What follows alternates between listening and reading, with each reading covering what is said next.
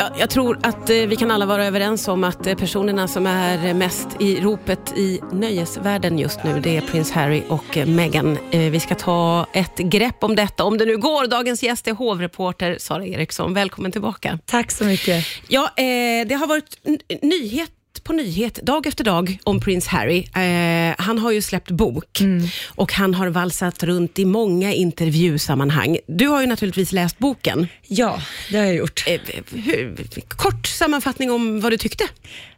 Det är ju en väldigt informativ bok får man ju lov att säga. Vi har väl aldrig tidigare sett en kunglighet avslöja så många detaljer om sig själv och sin familj. Nej. Det är ju så tydligt att Harry vill verkligen äga sitt narrativ. Han vill äga sin historia och han vill att hela världen ska få ta del av den. Ja, och han vill att hela världen ska få ta del av eh, väldigt många detaljer och intima detaljer. Eh, Visst eh, är det så?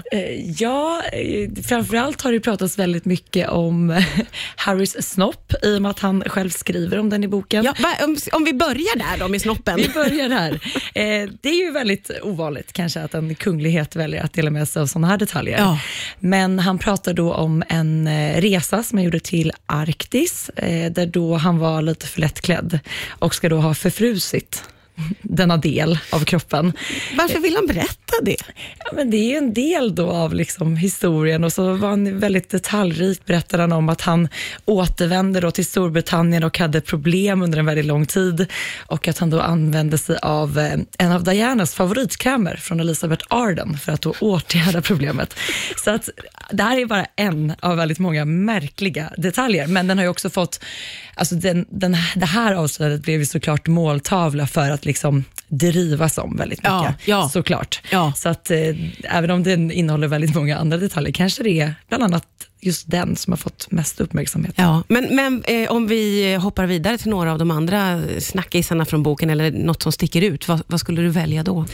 Alltså det är svårt att välja en sak, men det är ju så uppenbart att det är en eh, väldig spricka inom familjen. Och just att man, jag menar vi är vana ifrån kungligheternas sida att man inte pratar om det privata, utan man, i det offentliga ljuset så håller man sig till det offentliga. Ja. Locket på gällande alla övriga frågor. Liksom. Men här så får vi ju verkligen reda på att, han ber- berättar ju bland annat att han och storbror William har börjat slagits på grund av att de har då pratat om Meghan och att de är oense. Han menar ju att William och Kate är väldigt avundsjuka på Meghan och hennes eh, popularitet i Storbritannien, Ja, när de då ja.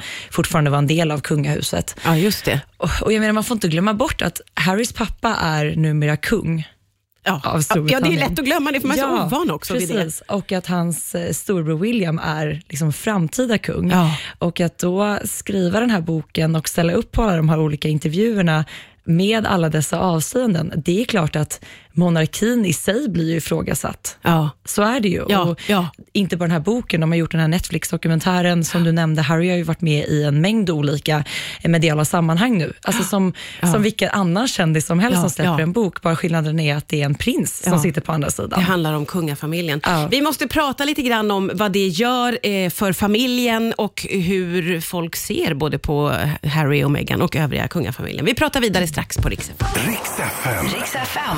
Det är hovreporter Sara Eriksson som gästar idag. Vi pratar om, naturligtvis får man nästan säga, prins Harry som ju då har kommit med boken Spare, där han eh, ju delar med sig av väldigt många detaljer. Det finns fler eh, detaljer att ta upp, men jag måste få fråga dig Sara, hur... Eh, jag tänker ju att när han skriver den här boken så måste han förstå själv att det blir, sprickan mellan honom och familjen måste bara bli djupare. Eh, hur, hur tror du att han har resonerat kring det där? Han har ju sagt det nu vid eh, flera tillfällen inför boksläppet att det enda han vill är att ta tillbaka sin pappa och sin familj. Men samtidigt är den här känslan av att få äga sin historia större och viktigare Ja. för honom. Ja. Och därför väljer han också att göra de här avslöjandena. Han har också så publicerat textrader från sms som har skickats, mejl som har skickats. Eh, Han menar ju på att så här, min historia har berättats av alla andra hela mitt liv, Ja. så nu är det min tur att få berätta den själv.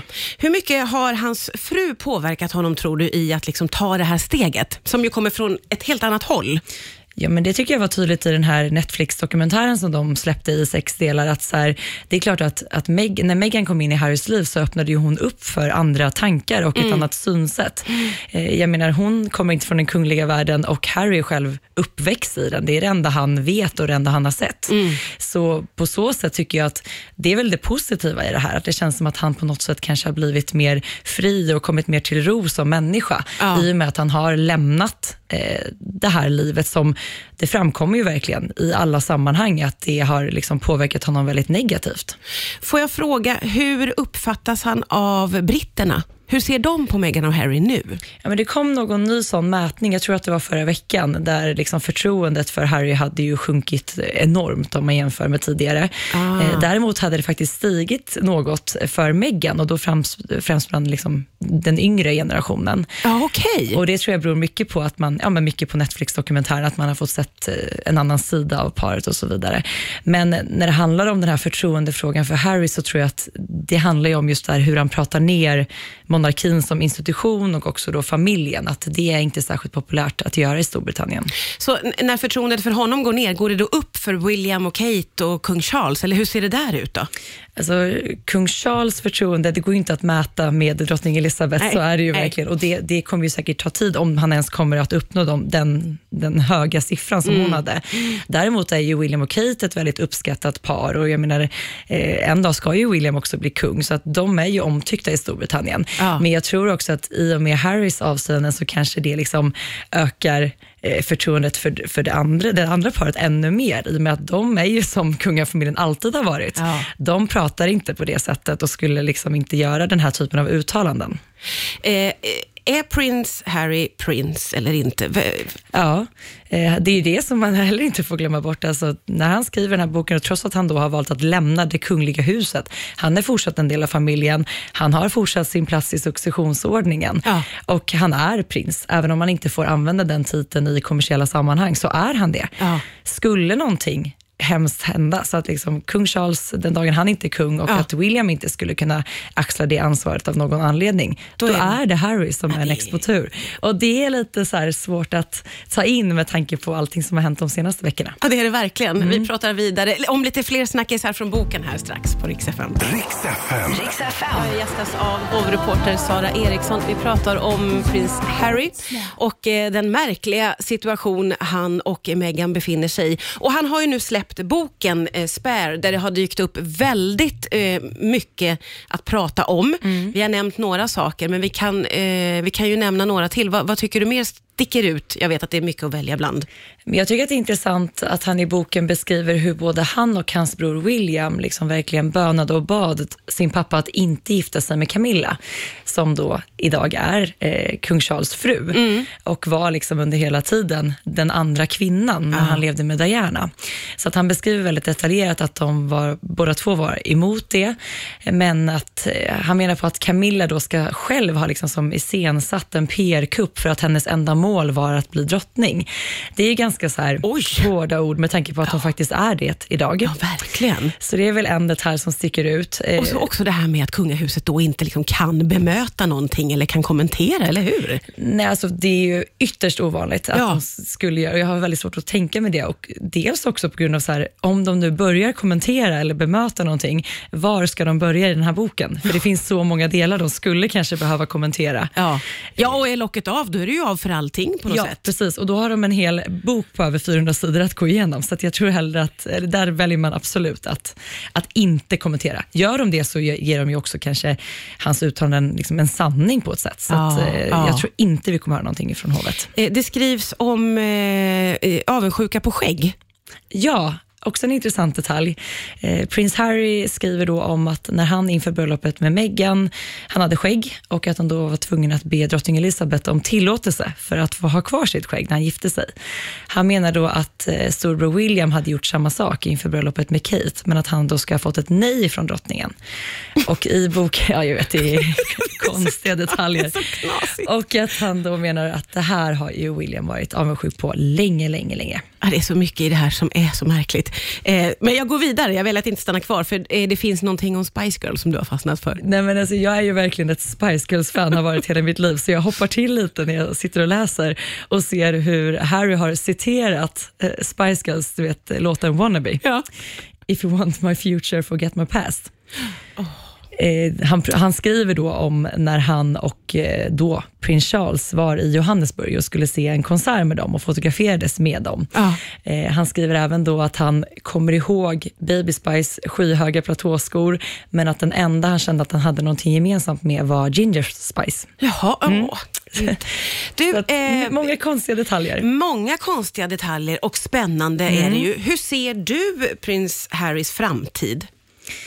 Alltså att han skulle bli en del av kungafamiljen igen och jobba för det kungliga huset, Ja. det kommer ju absolut inte att hända. Nej. Vi vet ju att han har kontrakt på flera böcker, eh, så eh, det är ju att vänta framöver. Okej. Men jag menar, både Harry och Meghan har ju redan nu, sedan de lämnade kungahuset 2020, byggt upp ett nytt liv i USA, eh, jobbar mycket med kommersiella verksamheter och tjänar ju såklart stora summor pengar på det. Mm. Jag menar, även om de inte är en del av kungahuset så har ju deras namn och var de kommer ifrån ett enormt stort och starkt PR-värde. Alltså de är ju självklara kungligheter i USA. Ja, det, så såklart. är det ju naturligtvis. Ja, och Meghan har startat en podd och de har gjort det här projektet med Netflix och Ja. nu boken. Och jag menar, den slog ju försäljningsrekord redan första dagen. Så att Det finns ett intresse. det finns ett intresse, så att jag tror att vi kommer nog se dem i fler sådana sammanhang. Sen är ju frågan så här, hur många gånger kan han berätta den här historien? Alltså den blir ju till slut eh, urvattnad. Nu Ja. har vi hört den och Ja, folk har tagit del av hans sanning. Så de kanske får komma med en ny take på det hela.